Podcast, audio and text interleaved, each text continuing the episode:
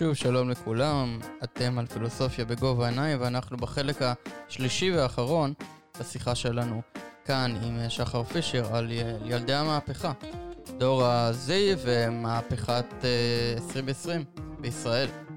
החלק הראשון והשני של השיחה עסקו בעצם בניסיון לאפיין גם את ההתפתחויות הדוריות של הדורות האחרונים בישראל ובעולם, באיזה אופן הם מבטאים את הרצון של אה, אנשים צעירים ודורות צעירים ביצירה של אה, מהפכה ושינוי של הסדר הקיים. אה, כמו כן אנחנו דיברנו על המאפיינים הייחודיים של מחאת 2020 כפי שהם באים לידי ביטוי באופי של דור ה-Z. בחלק השלישי והאחרון של השיחה כאן אנחנו נדבר על מאפיין ייחודי ששייך לדור ה-Z והוא דור האמת. כלומר, הרצון של הדור הזה, או השאיפה שלו, למציאה של אמת, גם במובן האישי וגם במובן של היכולת לראות מבעד לאשליות, למניפולציות, או לכל מיני חרטות שמנסים להכיל אותם בתקשורת. האזנה נעימה. אחד המאפיינים שכבר הודבקו לדור הזה הגלובלי זה דור האמת. דור האמת, במובן אחד, כמו שאמרנו מקודם, זה דור שהוא חשוף יותר מכל קודמיו ובפער הוא רואה הכל מגיל אפס, אי אפשר להסתיר ממנו שום דבר במסכים. אמ, הוא רואה את המבוגרים והוא יודע מה, מה קורה בעולם, ובאופן כללי אה, הוא לא אוהב את זה, אה, ומה שהוא רואה גורם לו אה, לבוז לנו. ודור האמת במובן שדווקא בגלל המדיום הווירטואלי וכל מה שהוא הביא איתו, כן, הפייק ניוז ו, אה, והצפת המידע וכדומה, זה דור שהוא מאוד מאוד מודע. אני זוכר שפעם באיזשהו שיעור דיברתי עם ילידי סוף שנות התשעים על התופעה שמאפיינת את הדור שלנו של דיכאון פייסבוק, כן, אותה חוויה של החיים של כולם נהדרים וכולם אה, עושים סלפי בבריכה ור, ורק אני וטסים לחו"ל ורק החיים שלי דפוקים. שאלתי אותם אם הם מזדהים והם אמרו שלא, ותשובה מעניינת מאוד שקיבלתי זה שאמר לי שחר, הדור שלך מאמין למה שהוא רואה ברשתות החברתיות, אני חושב שזה אמת, אבל אנחנו, אנחנו כבר יודעים שזה הכל מניפולציות ובררני, או במילים אחרות אנחנו מכירים את כל הפילטרים שאפשר לשים על המציאות ומסוגלים לראות דרך זה. ראיתי איזשהו מחקר בארצות הברית ש-90 אחוז מבני הנוער שמסווגים את זה כזה, הפעילו באינטרנט, בהזדמנות כאלה שלנו, כלים לבדיקת עובדות. Mm-hmm. היינו, הם מודעים לזה שמה שהם אה, פוגשים אה, זה מציאות מתווכת, הם מודעים לשקרים, למניפולציות, לפילטרים כאמור, והם מחפשים את האמת. זה גם מתחבר מאוד למושגים המרכזיים שאני חושב מלווים את הכהונה של הנשיא טראמפ, שיש בה משהו מאוד פוסט מודרני במובן הזה של דלדול מאוד אה, מרכזי של ערך האמת והעובדות. כן. זה התחיל כן, עם ה... כן, זה המושג של post truth וגם המושג הזה של ה-alternative facts, עובדות חלופיות. זה התחיל אהמ. מאיזשהו אממ, התבטאות של אחת היועצות שלו, לא יודע, היחצניות שלו, whatever, שדיברה בעצם על טקס ההכתרה שלו, שהיה מאוד ריק יחסית. והם טענו שכל השדרה שם של ה... whatever קוראים לזה, עם הפסל של לינקולן, כן, והבריכה הזאת, איפה שעושים את הטקסים, וה... והמונומנט הזה כאילו היה מלא, כמו בדרך כלל, והוא בעצם היה חצי ריק, וכשאמרו לה את זה, אז היא אמרה שיש לה עובדות חלופיות. שזה נורא מעניין, כן. כאילו, או שאתה לא יודע מה ההגדרה של עובדה, או שאתה מודע לזה וזה פשוט כאילו לא אכפת לך, כלומר עובדה או אמת במובן העובדתי זה משהו שהוא נכון וזה לא אמור להיות תלוי בשאלה אם אה, בא לך על זה או לא, אם אתה חושב שזה נכון או לא, ואם נגיד לצורך העניין אתה מאמין שתמונה שמכסה את כל השדרה ויכולה להראות לך בדיוק כמה אנשים היו שם היא מקור מהימן לעובדות, יבואו אנשי הפוסט אמת למשל ויגידו לא, זה פייק ניוז, זה מפוברק, זה כל חלק מאיזושהי מזימה של התקשורת, של אלוהים יודע מי, להפיץ שקרים נגד השלטון שלא בא להם בטוב, או משהו בסגנון הזה. ואז כאילו גדלנו לתוך המושג הזה, שמאוד רווח בשנים האחרונות של הפייק ניוז, שכאילו בעצם כל פעם שמישהו אומר איזה משהו אתה צריך להתחיל לשאול את עצמך האם זה פייק ניוז או לא. עכשיו, אם יש משהו שהוא פייק ניוז, אז גם אמור להיות משהו שהוא true news, כלומר, אתה לא יכול אה, לדבר על שקר בלי שיש אמת, שקר הוא ההיעדר של האמת, הוא השלילה שלה. אז איפה האמת בכל הסיפור הזה בעצם? אני חושב שזה, כלומר, עוד, עוד, עוד הרבה לפני טראמפ אולי זה באמת ההתפוצצות אה, של הדבר הזה, כן, הכישלון באיזשהו מובן של דור המדבר להתמודד אה, עם המעבר לא, לאינטרנט, פתאום הגולם אה, קם על יוצרו ומתוך איזשהו כלי גדול של דמוקרטיזציה והשטחת אה, מבנים חברתיים והיררכיות וקירוב העולם, פתאום זה הפך לאיזשהו סימולקרה, אני לא יודע אם יצא לך כן, של ז'יז'ק, בז'אן כן. בודריאר, אה, בודריאר, אז נשלח את נשלח את המאזינים אה, לשמוע שם. אם אנחנו רוצים, כן, דיברנו על Fight Club, משהו שגדלנו תחתיו, אז גם, אה, גם המטריקס. התחושה שהמציאות היא, אה, היא מציאות. מפוברקת ושום כן. דבר אה, לא אמיתי, ואיזה שהם כוחות אפלים נמצאים מאחוריה ובעצם מניעים אותה, והרצון להשתחרר מהמערה הפלטוני, כן, עם, עם, עוד אה, בעיות אה, תיאורטיות אה, כאלה של אין איך אתה יודע שאתה באמת בחוץ, כן, במונחים שבתי כמעט נכנענו לסימולקרה, וכן, זו, הייתה תיאוריה שלפחות מי שקיבל חינוך הומניסטי אקדמי שמאלי, הכיר אותה ו- ו- ו- ומיעט לחלוק עליה, ש- שיש איזשהו פער מאוד מאוד גדול בין התיווך של המציאות לבין המציאות עצמה, ושלמעשה כבר אין ממשות ואין אמת, ואיזשהו פוסט-מודרניזם, אה, כן, במובן הרחב של זה. והדור הנוכחי, לא שהם אה, מבטלים את הפוסט-מודרניזם ממש, או את השלכותיו לפחות, כן, זה לא שהם מבטלים את ה- את המסקנות ומחזירים אותה אחורה, אבל כן, יש איזשהו חיפוש אמת, או לפחות סובלנות, טולרנטיות מאוד מאוד נמוכה לבולשיט.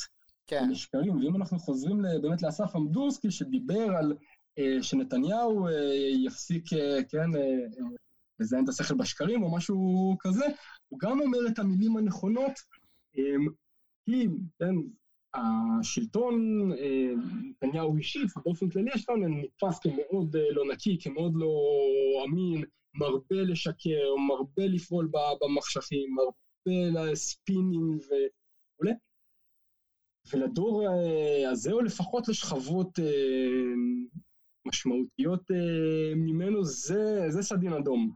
כן? כלומר, ברגע שהם מנסים, מודעים לזה, אז, אז מתוך החיפוש לאיזשהו אמת, וגם, צריך לומר, גם איזושהי תנועה לאמת אבסולוטית. דיברנו מקודם על האקלים, חלק מהיכולת שלהם להזדהות עם האקלים, כי זה באמת איזושהי אידיאולוגיה שהיא מאוד מאוד, כן, אם אתה לא מתנגד, אם אתה לא כופר ב... אה, בכמות גלובלית, אז זה מצייר לך את העולם בצורה מאוד מאוד נוחה של, אה, של שחור ולבן.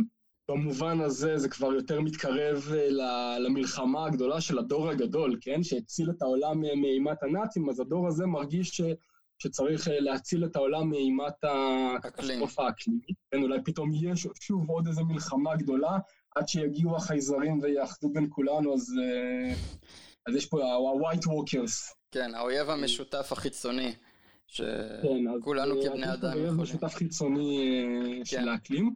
ושוב, זה מחזיר אותנו עוד פעם ל- ל- לרמה המקומית, אני חושב שזה מה שהקורונה אה, עשתה, הכניסה את הכל לסיר לחץ אה, ממש פשוטו כמשמעו, כן, אי אפשר לצאת, אי אפשר ללכת לשום מקום, לסיר לחץ המקומי, ואז המון מהמוטיבציות ומהמאפיינים האלה מתבטאים ברמה המקומית. אה, אולי הערה אחת בעניין הזה שהיא מעניינת, אפרופו ההשוואה בין מחאת האוהלים והמחאה הנוכחית. אני זוכר שבמחאת האוהלים שאמרנו, אה, נבדלה מהמחאה הזאת בזה שהייתה לה איזושהי מנהיגות מזוהה. פה יש מנהיגות מאוד מאוד מבוזרת, אה, מאבק, קוראים לו מאבק ריזומטי, דהיינו המון המון אג'נדות ו- ומוטיבציות שהן לא כולן אה, חופפות אחד לאחד, אבל בהחלט משיקות ומצטרפות לכדי איזשהו וקטור כללי. אחד הדברים, אני זוכר שנתניהו ב-2011 הזמין את ראשי המחאה להיפגש איתו, ו- וראשי המחאה אמרו, בסדר גמור, מוכנים להיפגש איתך, אבל זה, זה משודר בלייב, זה מועבר ב- באינטרנט. והם קיבלו על זה המון ביקורת שהם אה, לא בוגרים, והם לא מבינים איך הדברים עובדים, ו- וככה לא אה, משיגים דברים, אה, ושזו פגישה ילדותית ו- וכולי וכולי, אבל אני חושב שהם, בסוף הם גם, לא הייתה את הפגישה נדמה לי, בגלל זה, אם אני זוכר נכון. אבל אני חושב שהם ביטאו איזשהו משהו שהוא גם היה רוח הדור שלנו, וגם מתחזק עוד הרבה יותר בדור הבא, ולאיזושהי דרישה לשקיפות. דור שרגיל שכל המידע זמין לו, והוא רואה הכל, והוא רואה את כולם כל הזמן, פתאום לא נראה לו הגיוני שיתקבלו אה, בחדרים אה, סגורים, במחשכים, אה, וכשאנחנו מסתכלים על הקצוות היותר אה, כרגע רדיקליים, אבל אני מאמין שעם הזמן זה, זה יתמרכז בקרב הדור הזה, אנחנו רואים שחלק מהתביעות, ואולי גם שווה לראות אם זה גם יוצא מבלפור, זה למודלים דמוקרטיים שהם אה, הרבה יותר כבר מתקרבים לדמוקרטיה שיתופית, או ישירה, או הצלתית. כלומר, זה דור שכבר מבחינתו הדמוקרטיה אה, איבדה את זה, בין היתר בגלל שהיא עדיין דבקה במודל הישן הזה של כל פעם, תיאורטית ארבע, מה שנקרא, כל, ללכת לשים אה, פתק במעטפה פעם, שלוש פעמים בשנה. הם, הם גם רואים, הם מסתכלים, בוא נראה, השיטה כן? לא עובדת. כן. כן. השיטה לא מצליחה לייצר uh, יציבות, היא לא מצליחה לייצר שלטון uh, איכותי, להפך. Uh, ואנחנו נגיד, שוב, אם מסתכלים על, כמקרה שפשוט חקרתי של המרד בהכחדה, תסתכלו, תיכנסו לאתר ותראו את הדרישות. אז אנחנו רואים מרכיבים להרבה יותר שיתוף קהילה בקבלת החלטות, מודלים שונים אנחנו יכולים למצוא במרחב הזה באמת של, של דמוקרטיה שהיא מעדכנת את המודל הייצוגי, ובעצם בונה מחדש אה, כמה דברים, ויכול להיות שזה סוג של בשורה שתצא אולי עכשיו מה, מהמחאות האלה, אולי בעתיד אה, מהדור הזה. ואולי הערה אחרונה, אה, לגבי המחאות האלה, גם תלמיד שפגשתי שאל אותי אם יצא מזה משהו. ואני חושב שכשאנחנו הולכים למחאות דוריות כאלה אחורה, אם זה מחאות, אה, הזכרת את ה... אה, ילדי הפרחים וההתנגדות למלחמה בווייטנאם אה, בארצות הברית בשנת ה-60 וגם ב-68, מאי הגדול בצרפת. מרד הסטודנטים, דני אדום. מרד הסטודנטים, כן. כן. כבר הרבה יותר ממרד סטודנטים. ברור. ככה הוא ממותג. אנחנו רואים שהמחאות כן. האלה בטווח המיידי לא מצליחות אה, להשיג את אה, מטרתן, כן, המחאה בצרפת אה, דוכאה, לארה"ב לקח המון שנים לצאת מווייטנאם, ומאידך החברה האחרת היא כבר לא נראית אותו דבר. גם אני חושב שמחאת האוהלים ב-2011 מבחינת איזה שהם הישגים ממשיים, איזשהו שינוי מציאות שבא לידי ביטוי כן, בחקיקה, בסדרי עדיפויות, לא קרה שם, והרבה אנשים יצאו עם, עם אכזבה. לא שלא היו הישגים, כן. אבל אה, לא, לא, לא הישגים אה, שהם הרגישו כטרנספורמטיביים, אבל מאידך החברה הישראלית לא נשארה אותו דבר אחרי המחאות. לא רק ב, ב, בזה שאם מרכיב הביטחון היה כמעט באופן גורף הנושא המרכזי בבחירות, פתאום המרכיב החברתי נכנס מאוד מאוד חזק, ואנשים עלו לכוח על בסיס הגל הזה. כמו יאיר לפיד למשל, איפה הכסף? כן, יאיר לפיד, כן. כחלון. אחי העבדים, כחלון הגיע קצת אחרי, עם השאריות של כן. הדבר הזה, כן. אמ, זה בהחלט שינה את השיח, ויותר משזה שינה, גם זה זרע איזה שהם זרעים, כן, אותם ילדים שאז היו במחאת ה... ילדי האוהלים אמ, שעכשיו מגיעים לבלפור, וכן, אמנם אני כבר אה, לא מעט הפגנות, אה, לא ראיתי שום סממן של אלימות, אה, אלא ברגע שהשוטרים יוזמים מגע ומחליטים שהם לקפל את הבסטה, וקצת אנשי לה פמיליה בשוליים. כן. אבל אין ספק שהם כבר הרבה פחות נחמדים ממחאת האוהלים. כן. אולי, אולי אנקדוטה לסיום, אני זוכר שבמחאת האוהלים, הגיעו ועדת טרכטנברג, הוועדה הממשלתית שבעצם נועדה ליישם, להגיש המלצות.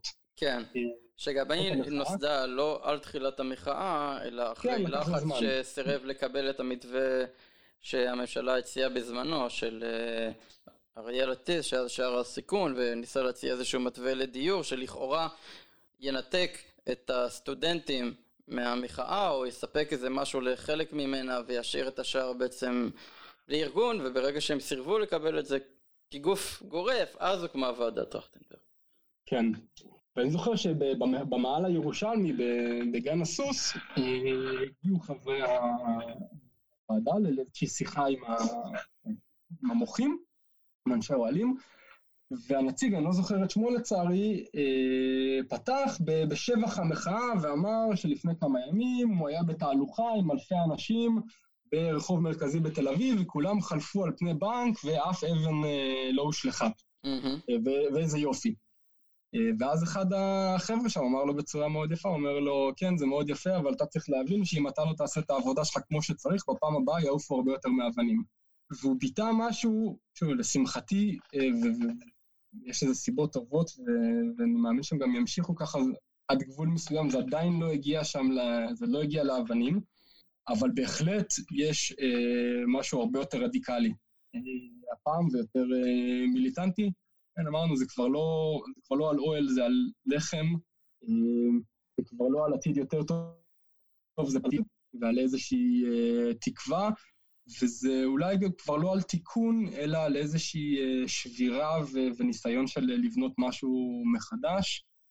האם המחאה תשיג את המטרות המיידיות שלה? אני לא יודע. יש לה יתרון אחד מובהק, שיש לה יתרון וחיסרון, שיש לה סממן הצלחה של 0 או 1, כן? זה משחק סכום 0 או שביבי הולך או שלא. אבל גם אם לא, אני חושב שאנחנו נצטרך, אה, כן, אנחנו נשאיר את זה לסוציולוגים ולהיסטוריונים של העשורים אה, לבוא כדי לתאר באיזה אופן החברה, המחאה הזאת שינתה את החברה הישראלית, כי כבר אנחנו רואים, כבר בהיקפים וכבר במומנטום, אני מאמין שאנחנו לא נשאר אותו דבר, בטח לא אחרי הקורונה, עם הסיפור הזה של המחאה כמשהו מאוד דומיננטי במשבר הקורונה. כן, ובאיזה מובן המחאה הזאת, אפשר להגיד, אה, הופכת להיות אולי למאורע המכונן של אה, אותו דור. כלומר, האם זה משהו כן. שמעצב את הדור הזה, כך שבכל מקרה, לפחות על הדור עצמו, תהיה לדבר הזה השפעה ממשית, ואולי גם על החברה בכלל. ריגרלס כן, מה יהיה התוצאות. הדור מגלה את עצמו והעולם מגלה את הדור הזה, הם אמרו על מחאת העולים שהייתה מסיבת הפתיחה, אולי גם מסיבת הסיום של, אה, של דור ה-Y, של אה, ילידי שנות ה-80, אז זו, זו מסיבת הפתיחה של... אה, זו פעם ראשונה שאנחנו פוגשים אותו, שהוא פוגש את עצמו, כן, אותם חבר'ה ש, שהתחקיתי ודיברתי איתם, שעברו בן לילה ממפיקי מסיבות למפיקי הפגנות, גילו שאת הכישורים שלהם, שעד עכשיו הלכו למקום אחד, הם יכולים לתרגם למקומות אחרים, הם אולי אחר כך גם יחזרו ל... להרים אה, מסיבות, אבל, אבל מה שקרה פה בטרנספורמציה לא יחזור אחורה. אה, ואנחנו מתחילים לגלות את הדור, ו... וגם לו יש חלומות גדולים, ו... וגם הוא יקבל אה, סתירות אבל אולי גם יעשה משהו אחר וישאיר את העולם לידים שלו שונה מאוד ממה שהוא מקבל אותו. אני חושב שזה יהיה סיפור מרכזי אצלו. זה מעניין, טוב. גם מהרמה האקלימית ועד החברתית, כלכלית, פוליטית. כן, כן. טוב, אני רוצה באמת אה, ככה כמה הערות לקראת סיום. דבר ראשון, בנושא של האין מצב והעניין הזה, אז uh, מעניין לזכור בהקשר הזה את הרעיון שכנראה ייזכר עוד ללא מעט זמן של צחי הנגבי בתוכנית של אופירה וברקו, שאגב אני חושב אנשים אמיתים בערך השפעה שיש לתוכנית הזאת על השיח הציבורי, ושם בעצם uh, נכנס חזרה לביטוי של המחאה הזאת, המושג חרטא, כשהוא בעצם uh, כאילו מציג את הדרישות של המוכרים או את הטענות שלהם כחרטא, ואז באו הצעירים ואמרו לא, אתה החרטא, כלומר הממשלה היא החרטא. וזה... זה מתקשר לנו מצוין כן, לשיח האמת. לגמרי. כלומר, זה לא שאין אמת, האמת היא כזאת, ואתה מנסה להגיד שאנחנו מדברים חרטא, אבל אתם אלה שמחרטטים אותנו. ובמובן הזה, אני חושב שזה דור, יש, אתה יודע, לכל דור יש את הרגישויות שלו, אז אני חושב שהדור הזה באמת, יש לו רגישות מאוד גדולה לחרטוטים ולבולשיט ולקאט דה בולשיט, שזה גם מושג שפוליטיקאים משתמשים בו, לפחות פוליטיקה אחת ספציפית, ולהגיד, אז קאט דה בולשיט, כאילו, ו, וזה מה שיש פה, ואנחנו קודם כל דורשים אמת במובן הזה, ושתפסיקו לחרטט אותנו. דבר, ואנחנו כבר לא מוכנים להקשיב לכל דבר. כלומר, אני חושב שבמובן הזה, אם הדור של, שלנו, נגיד דור ה-Y, פשוט גדל בתוך איזושהי מוסכמה שאין אמת, ורלטיביזם, וכן, כל אחד רואה את הדברים מנקודת מבט אחרת, ואי אפשר להכריע, ולכן גם כל המשימה הזאת, הפילוסופית, במהות שלה, של גילוי האמת, הוא, הוא פרויקט שהוא או בלתי אפשרי, או מיותר, או חסר טעם, אז לא, יש גבול. יש גבול לכל הסיפור הזה.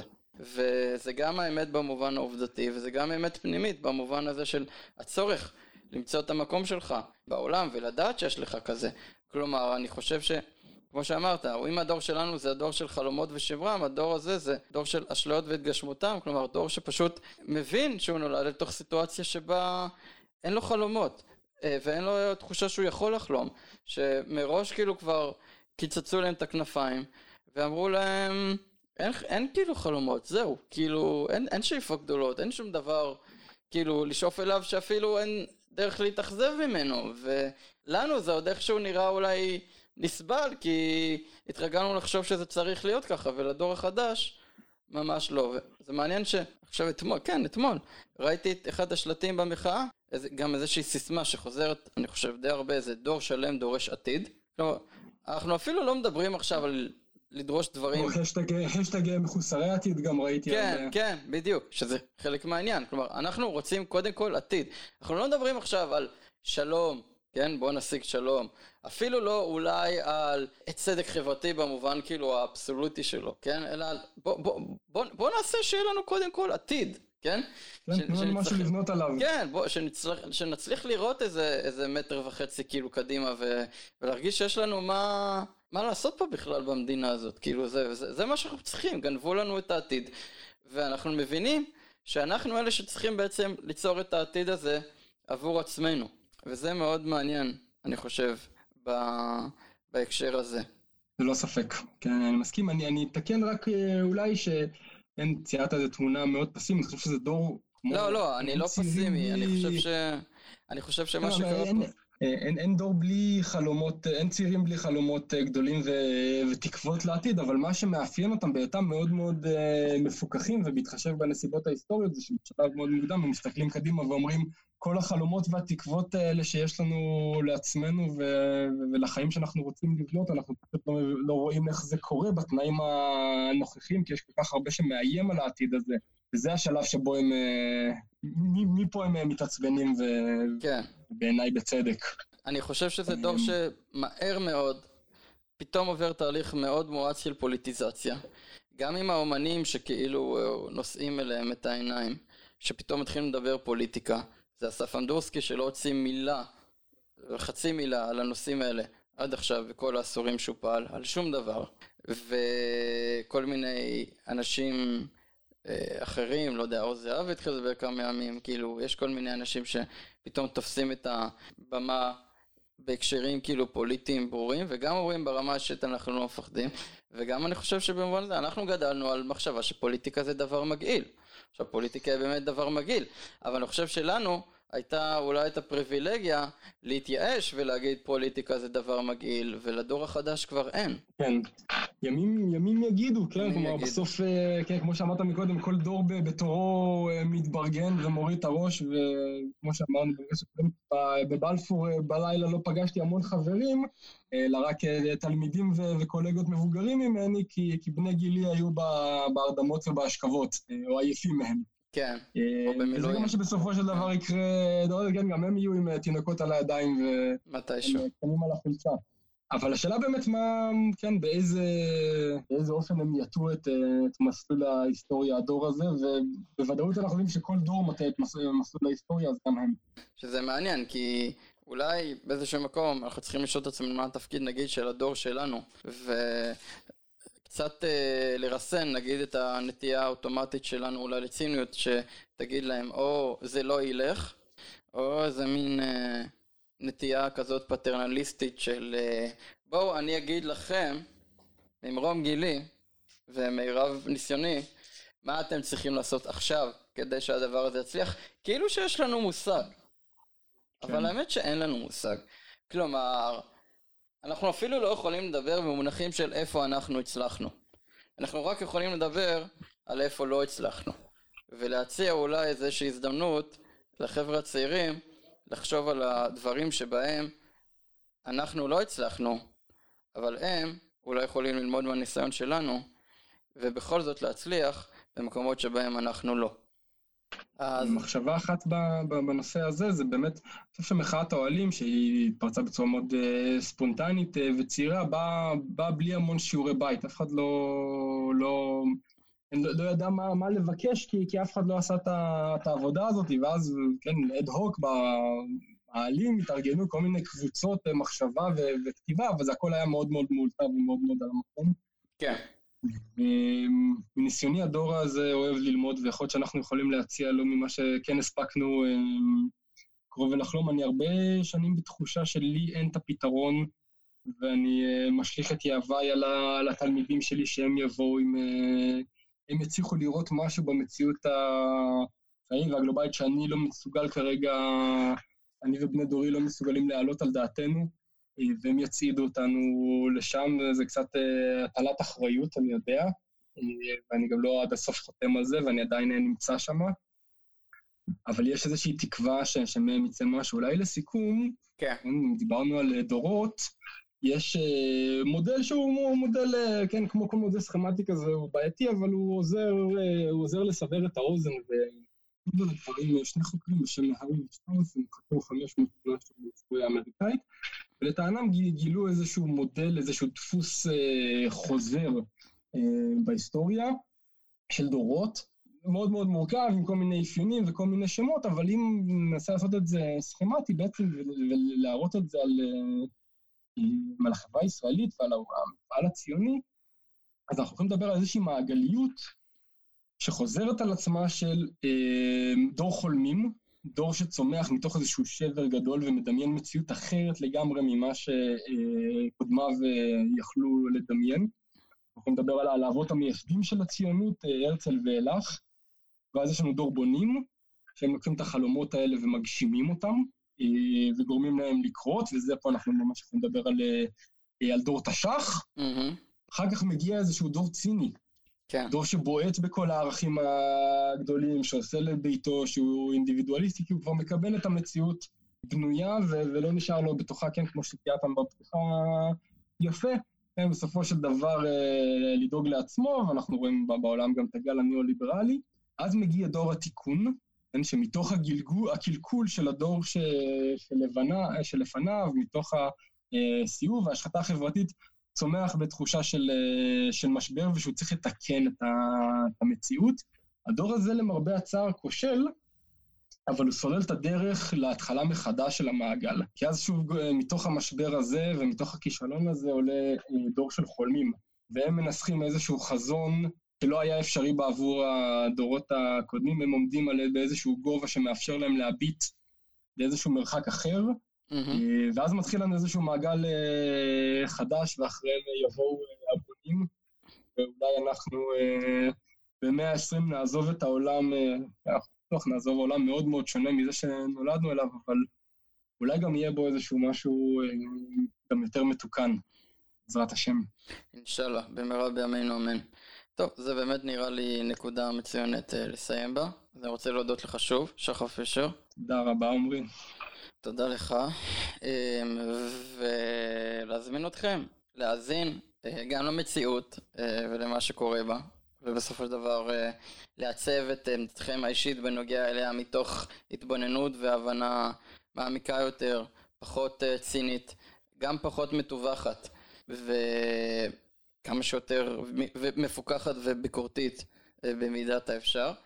אה, וגם להאזין לתוכניות נוספות כאן אצלנו בפודקאסט אה, פילוסופיה בגובה העיניים, שניתן להאזין לו כמובן באפליקציות השונות ולעקוב אחרינו בפייסבוק, גם עכשיו ביוטיוב ושאר ירקות למיניהם. זה הכל, אנחנו באמת נמצאים בתקופה מאוד מעניינת, אני חושב. ידעתי שהולך להיות קיץ חם, לא ידעתי עד כמה, ואיך אומרים, חודש אה, אוגוסט הארור אה, רק מתחיל. להתראות, ונשתמע בתוכניות הבאות של פילוסופיה בגובה העיניים. אולי גם באיזה הפגנה אחת או שתיים. stay tuned.